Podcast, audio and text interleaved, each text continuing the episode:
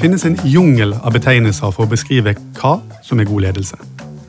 Og foretar du et kjapt Google-søk, så får du opp haugevis av oppskrifter på hva du må være god på, hva du bør styre unna, og hvordan du kan bli en bedre leder. Men vi har valgt å gjøre det litt enkelt i denne episoden, så vi har invitert generalsekretær for Redd Barna, Birgitte Lange, i studio. Velkommen til deg. Tusen takk. Birgitte har drøssevis av ledererfaring over veldig mange år. Hun har vært eh, assisterende direktør i UDI. Hun har vært leder for Kirkens Bymisjon barnevernsarbeid.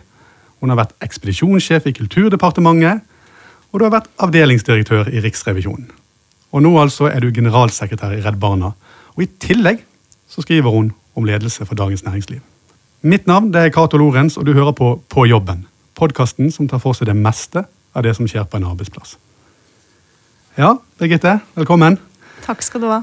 Du, du, har lang erfaring, du, som vi uh, hører innledningsvis. Uh, at um, du, du, har, du, har, vært leder mange steder, uh, og, og du er opptatt av ledelse.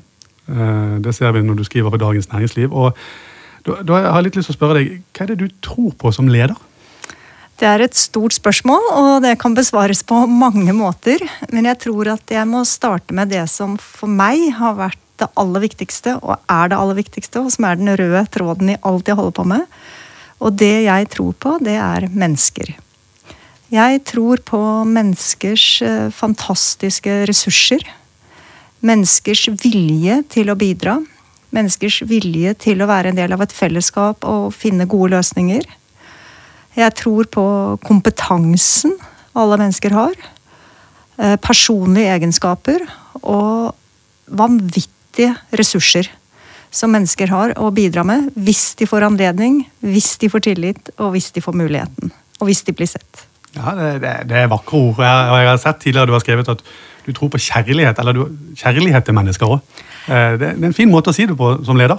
Ja, det er en ganske sterk og kanskje litt uvanlig måte å beskrive det jeg tror på som leder. Og når jeg skriver og mener og sier at en leder må ha kjærlighet til mennesker, ja.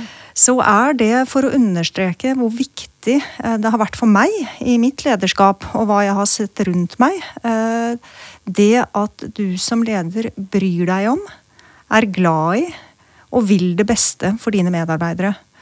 Og min erfaring har i hvert fall fortalt meg at jo mer jeg ser mine kollegaer og mine medarbeidere, jo mer jeg forstår hvor de kommer fra, hvor de er, hva de trenger, og hva de vil og hva de kan, jo eh, mer får vi til i forhold til det oppdraget vi har til enhver tid som vi skal løse sammen. Mm. Så for meg er eh, kjærlighet et uh, veldig viktig ord.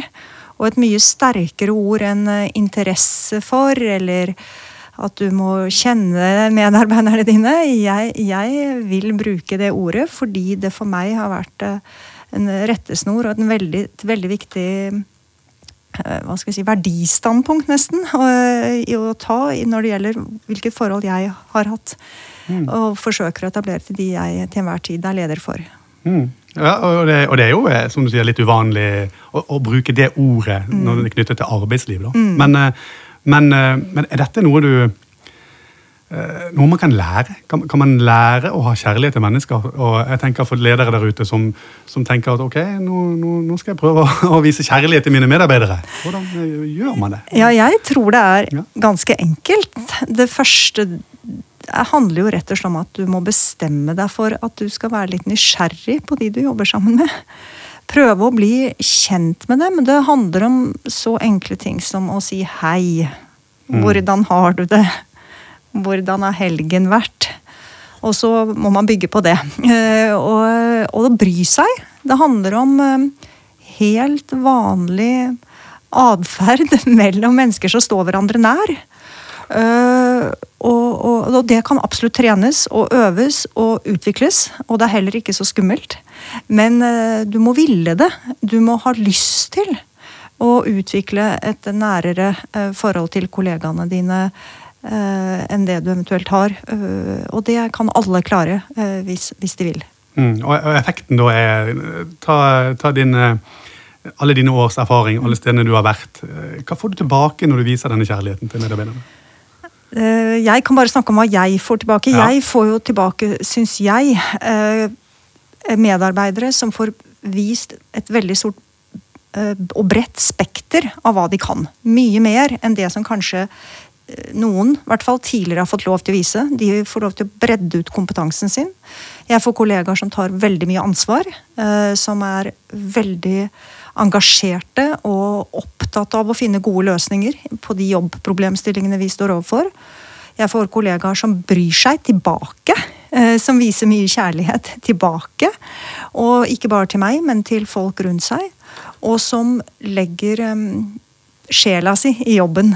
Uh, jeg, jeg, får utrolig mye tilbake for det selv, opplever jeg. Ja, spennende. Det er jo uh, en, en, annen ting som, som du um, ja, både prater og skriver mye om, det, det, er tillit.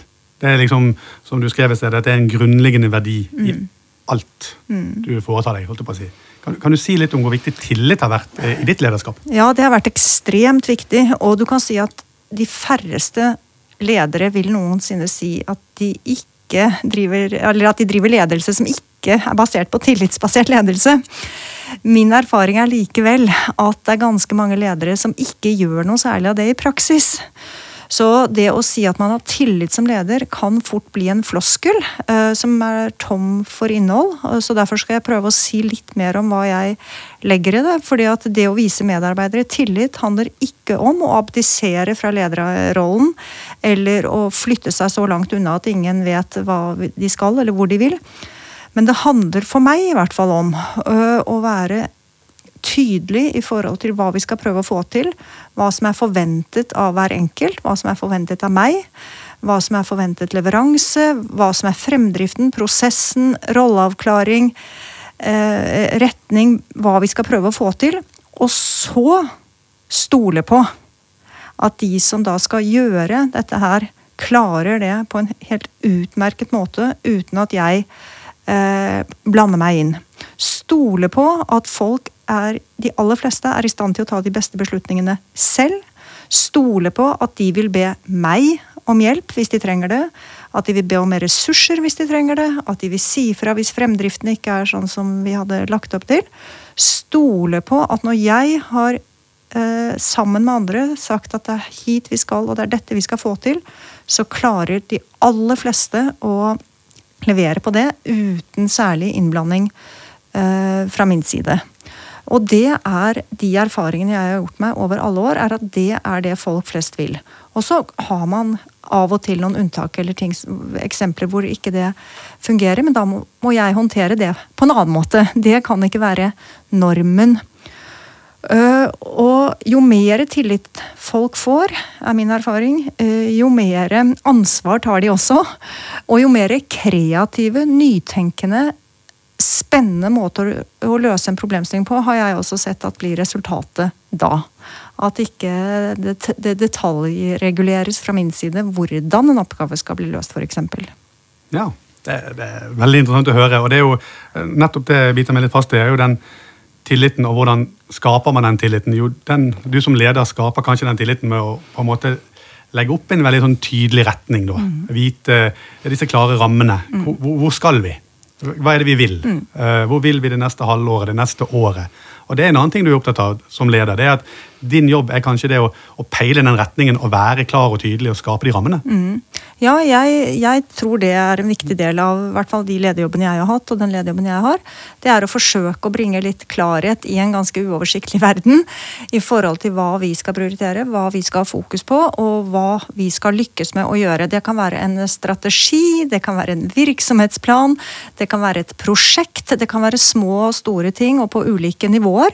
Men at i de sammenhengene jeg gjør, at jeg prøver å skape klarhet for folkene rundt meg på hva det, hva det er vi skal prøve å få til. Og det er en viktig lederoppgave, og den lederoppgave. Og så uh, må du la folk uh, løse oppgavene på den måten de uh, syns er best, og ha stor tillit til at de vil komme tilbake med et uh, godt eh, resultat eller et godt forslag eller en god beslutning eller et godt produkt, eller hva det nå måtte være. Ja, hm. ja det og En tredje ting du, du har snakket mye om, det, og du, jeg tror du nevnte det innledningsvis når du snakket om, om, kjærlighet til dine medarbeidere og de ansatte, eller til mennesker. det er jo det å være nysgjerrig på dem. Mm. Være interessert i hva er det som driver dem, hva er det som får de til å ja, bli motivert eller til å, til å, jobbe på. da. Hvordan, hvordan har du vært nysgjerrig opp gjennom årene? Jeg er nok som menneske generelt nysgjerrig på folk. Og jeg For meg er nysgjerrighet en positiv egenskap, da. Det er ikke det å grafse i andres uh, menneskers privatliv jeg snakker om. Jeg snakker om den nysgjerrigheten på å bli kjent, forstå. Og min erfaring handler jo om at folk flest Eh, har jo veldig veldig mange flere sider enn det de ofte viser på en jobb. Eh, du og jeg er mye mer enn det vi rekker å presentere oss for hverandre her i, i Navs eh, podkast. Og jo mange medarbeidere og kollegaer sitter på det jeg kaller taus kompetanse. De synger kanskje i kor, de er styreleder i et borettslag, de leder fotballklubben, de har en frimerkesamling. de kan masse om et eller annet, de er, gjør noe på fritiden. Og ofte så forteller det noe om egenskaper, engasjement, eh, en annen type kompetanse som folk har, som ikke direkte nødvendigvis alltid kan overføres til en jobbsammenheng, men som kan hjelpe meg å forstå hva slags menneske jobber jeg sammen nå? Eh, hvem er han eller hun? Og, og hvordan kan vi sikre at han eller hun får jobbet på best mulig måte, eh, gitt den totale kompetansen og personligheten han eller hun har. Ehm, og så syns jeg det er veldig spennende med mennesker. Jeg synes det er spennende. Jeg lærer masse i samtaler med andre om hvem de er, og hva de tror på, hvor de kommer fra, deres bakgrunn, historie interesser og personlighet. Og, og det gir meg et, en bredere og bedre forståelse av hvem mine kollegaer er, som jeg både syns er spennende og inspirerende personlig. Jeg lærer masse av mine kollegaer. Og det hjelper meg, syns jeg, i å skjønne hvordan mine kollegaer eh, liker og trives å jobbe, og hvordan de kan få brukt sin samlede kompetanse best mulig. Ja. Så, så, det er egentlig det du eh, sier her nå, som har vært en, ja, si en styrke som deg som leder, da, er at du, du, er god til å lytte. Du lytter eh, på hva faktisk de har å si, både på, på jobb og, og, ellers, for å på en måte bli bedre kjent med dem på den måten. Ja, Å lytte er jo et stort tema, og jeg kan i likhet med alle andre bli enda bedre til å lytte. Jeg tror det er en så ekstremt undervurdert eh, egenskap. Vi lever i en kultur eh, som er en snakkekultur, eh, og hvor vi konkurrerer om å snakke, og hvis én har sagt noe, så skal den andre bygge videre på det og bare fortelle noe mer om seg selv.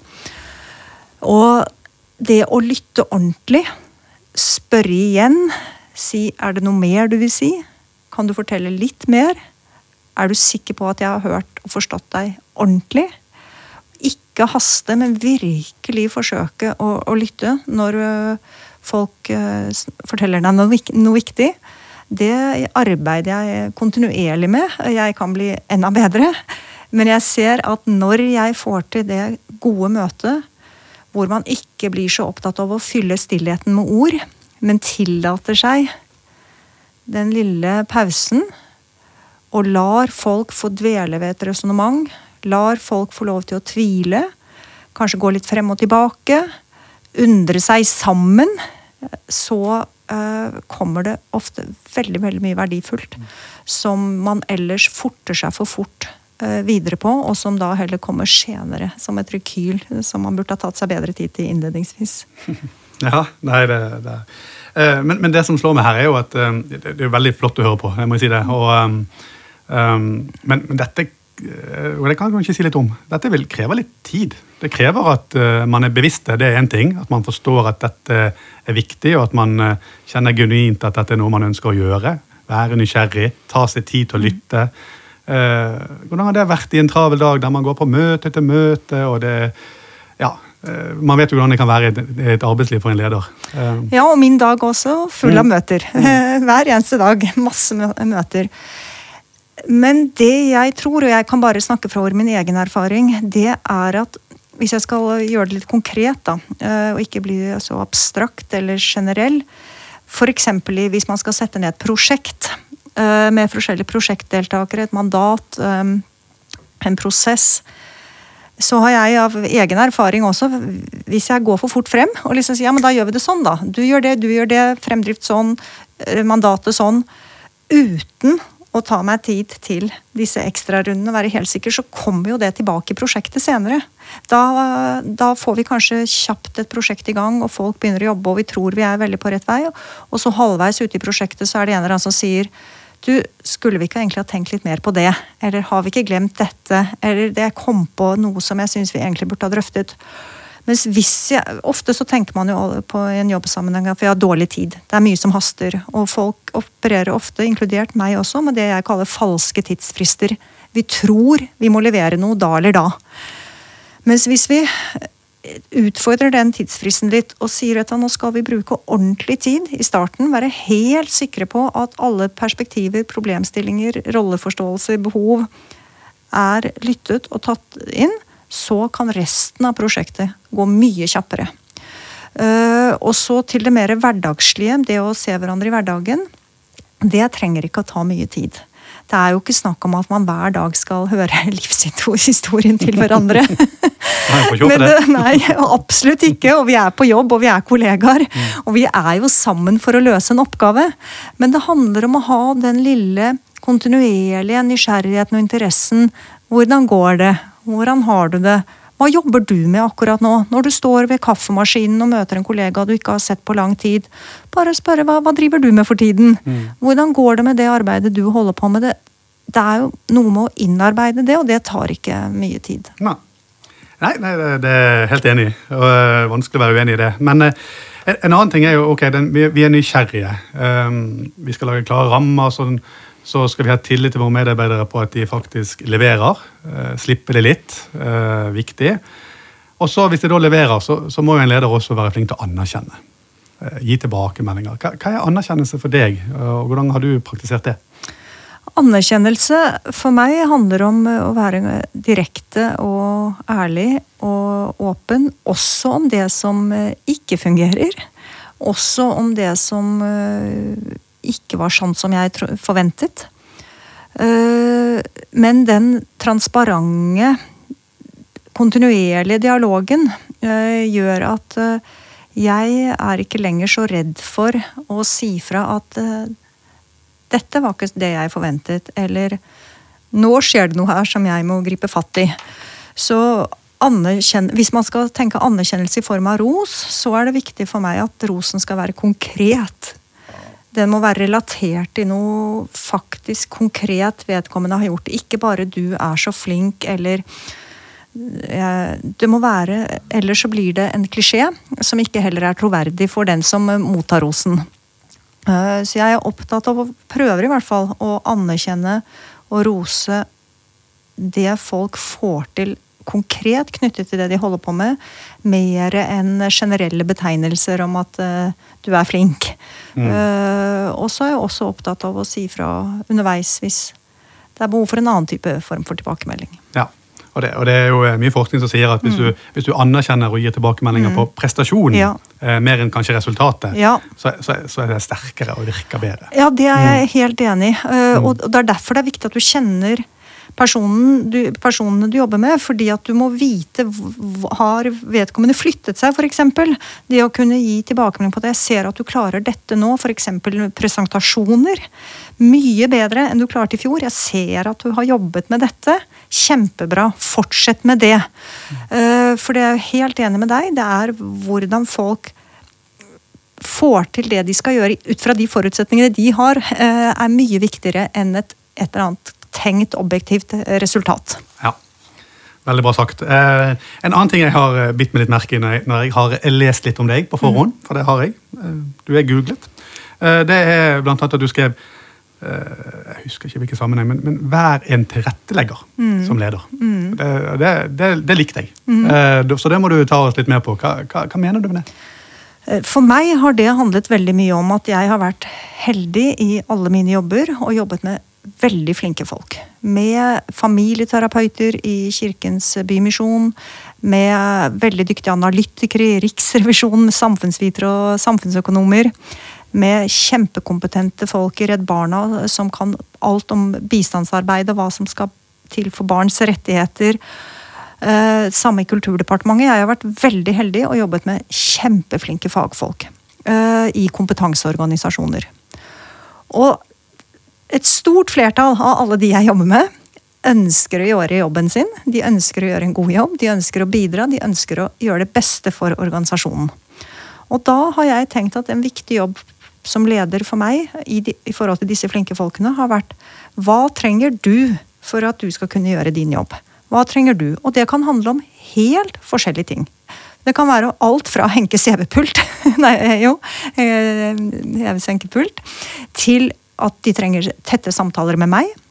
Noen kan ha hatt behov for hjemmekontor en periode. Noen har behov for noe fysisk utstyr. Noen trenger å jobbe i team. Noen trenger en liten videreutdanning. Det, altså, det kan være utrolig mye forskjellig.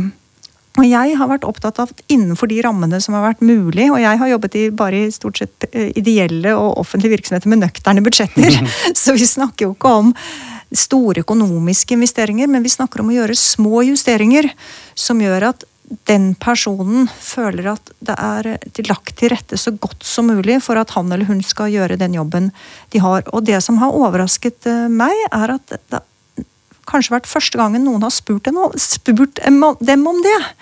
At de har aldri blitt spurt om hva er det du trenger for å kunne gjøre en best mulig jobb. Eh, og ofte så handler det om så utrolig små ting. Mm. Eh, og veldig ofte så handler det jo om å ha en tett dialog med nærmeste leder. Og bli anerkjent, eh, få tillit, få utfordrende oppgaver. Bli sett, få lov til å prøve seg på noe nytt. Få tatt en annen rolle. Ting som, ting som i all hovedsak har vært veldig lett å kunne tilrettelegge for. Og det har jeg sett det som kjempeviktig i mine jobber å gjøre så langt det har vært mulig. Ja, det, det høres ut som en eh, relativt billig investering på, for folks trivsel på arbeidsplassen, som igjen gir økt produktivitet og, og for, kanskje også lavere sykefravær, hvis man på en måte skal måle det i noe. Ja, og det, jeg har ikke gjort noen analyser av dette, men, men, jeg opplever i hvert fall at det blir verdsatt, og at det skal, som du sier, det er veldig billige investeringer. Og, og det er små justeringer, og det handler det igjen om det som vi startet med, med at å se menneskene, være opptatt av hva, hva, som får dem til å skinne, dem mm. til å blomstre. Og, og, prøve å se er det noen grep vi kan ta her for mm. at du skal trives enda bedre, og dermed gjøre en enda bedre jobb. Ja, Du sa det nå, eh, la folk skinne. Hva, mm. hva betyr det? Eh, og hvorfor er det en viktig jobb for en leder? Jo, eh, for meg er det viktig. Fordi, fordi jeg jobber og har alltid jobbet med ekstremt dyktige folk. Og, og, kanskje bare for å gå litt tilbake til min eh, hva skal vi si, yrkesforløp som du innledet med. Alle lederjobbene jeg har hatt, så har jeg kommet inn utenifra. Uten å kjenne noe til, leder, til organisasjonen. Og jeg har kommet rett inn i en ledergruppe som jeg skal være leder for, som alltid har bestått av mye flinkere folk enn meg. og det, Jeg vet ikke helt hvorfor det er blitt sånn, men det er noe sånn det har vært. At jeg har kommet utenfra, kommet inn som leder i en kjempeflink ledergruppe, og så skal jeg være deres leder. Og da har min metode, for å si det sånn, vært, eh, og det har vært helt nødvendig for meg, har vært å stole veldig på de som jeg har rundt meg. Anerkjenne den kompetansen de har. Eh, forsøke å tilrettelegge. Forsøke å la de få lov til å ha det handlingsrommet de trenger for at de skal kunne gjøre en best mulig jobb. Jeg har ikke hatt noe behov for å skulle eh, være på toppen og være den som på en måte tar, fronter alt i alle sammenhenger. Det er mer enn nok til alle. Eh, så jeg har Jeg vet jo selv hvor fint det er for meg når jeg har fått lov til å skinne. Når jeg har fått lov til å ta på meg et oppdrag som jeg hadde lyst til, men som jeg kanskje syntes var litt vanskelig eller litt utfordrende, og hvor jeg er blitt backet og heiet på for å få lov til, til å klare det. Og det jeg ser selv, har erfart i de årene jeg har vært leder, at folk syns det er veldig gøy når de får lov til å prøve seg på kanskje litt utfordrende oppgaver som de ikke er helt klar for, men hvis de blir heiet på og backet opp og får et lite apparat rundt seg og får tillit fra meg. Så jeg, jeg tror veldig på det gullet som er i hvert enkelt menneske. Og at folk har så utrolig mange ressurser eh, til å klare eh, vanskelige og store oppgaver hvis de blir gitt muligheten og får et lite løft og dytt og tillit fra nærmeste leder.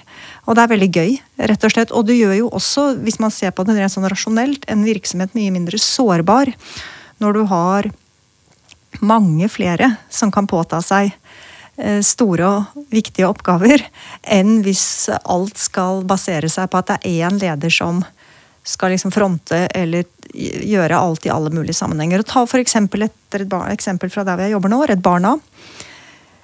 Eh, I Redd Barna så er det masse dyktige mennesker som kan være våre talspersoner i media. Vi har kjempeflinke folk, eksperter på det ene og det andre fagfeltet. Og det ville vært totalt meningsløst og feil bruk av tid hvis jeg skulle være den som alltid uttalte seg på vegne av Redd Barna. Istedenfor så har vi nå eh, mange, og det har vært bygget opp over lang tid, flinke, dyktige folk som, eh, som, er med på å svare på de spørsmålene vi skal besvare og fronte i norsk offentlighet. Ja, et godt eksempel. Mm eh, absolutt. Eh, lyst til å spørre deg om en annen ting. fordi eh, vi, vi, prater mye i denne podkasten om, om, Vi kommer ofte innom temaet ledelse. Og uh, uansett hva vi prater om, egentlig, Eh, slår meg hver gang at det å være leder det, det må være Det er ikke lett. Det er krevende. og jeg, jeg, lurer på hvordan har du opplevd det Eh, utfordringene med å være leder. Og da tenker jeg Spesielt i forhold til å lede mennesker. for Du sier du er opptatt av mennesker, du skal være nysgjerrig på dem. Man skal imøtekomme deres eh, individuelle behov så godt man kan innenfor de rammene som er. Og så har man med ja, Si man har 20-30-40 stykker man er leder for, alt dette som, som har vidt forskjellige personligheter. Og har helt vidt forskjellige behov. Det er ingen enkel oppgave, er det det? Nei, det er ingen enkel oppgave, men det er også, det har jeg lyst til å være ganske tydelig på, en veldig morsom oppgave. For det er frivillig å være leder. Og man må ikke være leder hvis man ikke er glad i folk. Og det er ganske viktig for meg å ha sagt. Jeg har valgt å være leder i 20 år. Jeg kunne ha helt fint valgt å være noe annet, og verden ville gått videre med det. Og derfor så, og jeg har sett, eh, og vært, eh, sett ledere som ikke er så glad i mennesker. Og sett hvilke konsekvenser det har. Eh, og jeg, Det er derfor jeg er, snakker litt med stort alvor nå. Derfor jeg er veldig opptatt av at hvis du ikke er glad i mennesker, ikke har kjærlighet til mennesker, så syns ikke jeg du skal være leder. Da kan du være en sterk fagperson. Det er millioner av andre jobber du kan ha. Men hvis du ikke syns det er interessant og spennende å forholde seg til 20 mennesker med helt vidt forskjellige behov, som du sa, så er jeg ikke helt sikker på om du skal være leder. I hvert fall kunne jeg aldri vært leder selv hvis ikke jeg syns det var spennende. Og det betyr ikke at ikke jeg har syntes det har vært kjempevanskelig innimellom. Jeg har hatt vanskelige personalsaker, jeg har ikke fått det til i alle mine relasjoner. Det har vært folk som har skuffet meg, jeg har sikkert skuffet folk. Det betyr ikke at det er en dans på roser. Jeg har gått på trynet, og jeg har ikke fått til ting. og det er utfordringer, eh, og jeg lykkes ikke i alt jeg får til. bare så det er sagt. Men jeg har en grunnleggende interesse for å tro på de menneskene jeg eh, jobber med til enhver tid, og syns at det er veldig spennende. Og den dagen jeg ikke syns det er spennende og meningsfylt og givende lenger, så syns ikke jeg at jeg skal være leder lenger. Ja, Bra sagt. Kanskje et vanskelig spørsmål. Har du noen gang tvilt på deg sjøl som leder? opp gjennom ja, alle disse årene? mange ganger. Har du noen, noen eksempler på det, eller noen eh, tanker rundt det? Ja, jeg, jeg, Det aller vanskeligste syns jeg er jo alltid hvis det er vanskeligheter i forhold til en medarbeider og noe blir en personalsak. Av uansett hvilken grunn eller hva som ligger bak, eller hvorfor det har oppstått. og historikken og når man kommer dit at det av en eller annen grunn blir en personalsak eller en varslingssak eller noe knyttet til det, det er alltid vanskelig. Og der er det ingen fasiter, det er ofte ingen quick fixer, det er et komplekst landskap. Og der kan jeg synes det var vanskelig å tvile på om jeg gjør, tar de rette valgene, de rette samtalene, og er ikke sikker på om hva som er rett å gjøre. Det syns jeg er det aller vanskeligste i alle sammenhenger. Mm. Ja. Eh, det kanskje litt sånn eh, tiden for de vanskelige spørsmålene her i podkasten, men jeg har lyst til å spørre deg hva, hva, er en medarbeider for deg? Hva er en ansatt? Etter så mange år som leder, så, så, har du på en måte vært leder for veldig mange typer mennesker. Mm. Men hvis du skal beskrive en, en god medarbeider, hva er det? Sett fra et leders perspektiv. Ja, En god medarbeider for meg er en person som kommer på jobben og har lyst til å bidra. Og som forstår eh, hva slags organisasjon han eller hun jobber i. og som forstår samfunnsoppdraget eller strategien eller målsetningen til den virksomheten, og har lyst til å gjøre sitt beste sammen med andre kollegaer. Eh, og det å ha lyst til å gjøre sitt beste, det kan da bety forskjellige ting for eh, forskjellige mennesker. Men at den grunnleggende holdningen er at jeg har lyst til å bidra, det setter jeg stor pris på. For det i alle organisasjonene jeg har vært, så har det alltid vært omstilling, endring, utvikling, forandringer. Og det, sånn kommer det til å fortsette å være. Og at medarbeidere som anerkjenner at det er endringer, som, og som kan være kritiske til det, for det kan man mange ganger ha god grunn til å være, men som likevel sier 'jeg skal gjøre mitt beste, og jeg skal bidra', og jeg har lyst til å være en del av løsningen, ikke bare en del av problemet. Det er for meg en god medarbeider. Ja, interessant. Eh, du, vi, vi, vi, går mot slutten nå. Eh, og eh, jeg har lyst til å spørre deg helt, helt til slutt. Du er en leder. Du har been there, done that, som det heter. Det har vi allerede slått fast. Mange mange år med erfaring. Eh, avslutningsvis til de som lytter på. Hva kan du si hvis det er noen, ja, om det er en leder eller en som har lyst til å bli leder? Som, hva, hva, bør de tenke på? Hva, hva, er det på en måte Hva råd kan du gi dem på, for å lykkes? Bruk all kompetansen du har rundt deg. Be om hjelp. Ikke tro at du må klare ting alene. Bruk alle de flinke folkene som sitter rett rundt hjørnet i det åpne landskapet eller på kontoret ved siden av. Bruk alle de flinke folkene dine, og ikke tro at du må være eksperten eller den som skal finne løsningen. Det har vært min rettesnor i alle de jobbene jeg har hatt. Bruk de rundt deg, sier Birgitte Lange. Eh, da sier jeg tusen takk til deg for at du tok deg tid til å være med oss i dag. Mitt navn er Cato Loren, som er med som produsent har jeg hatt eh, Eivind Kaasin. På jobben er tilbake om noen uker. Vi høres.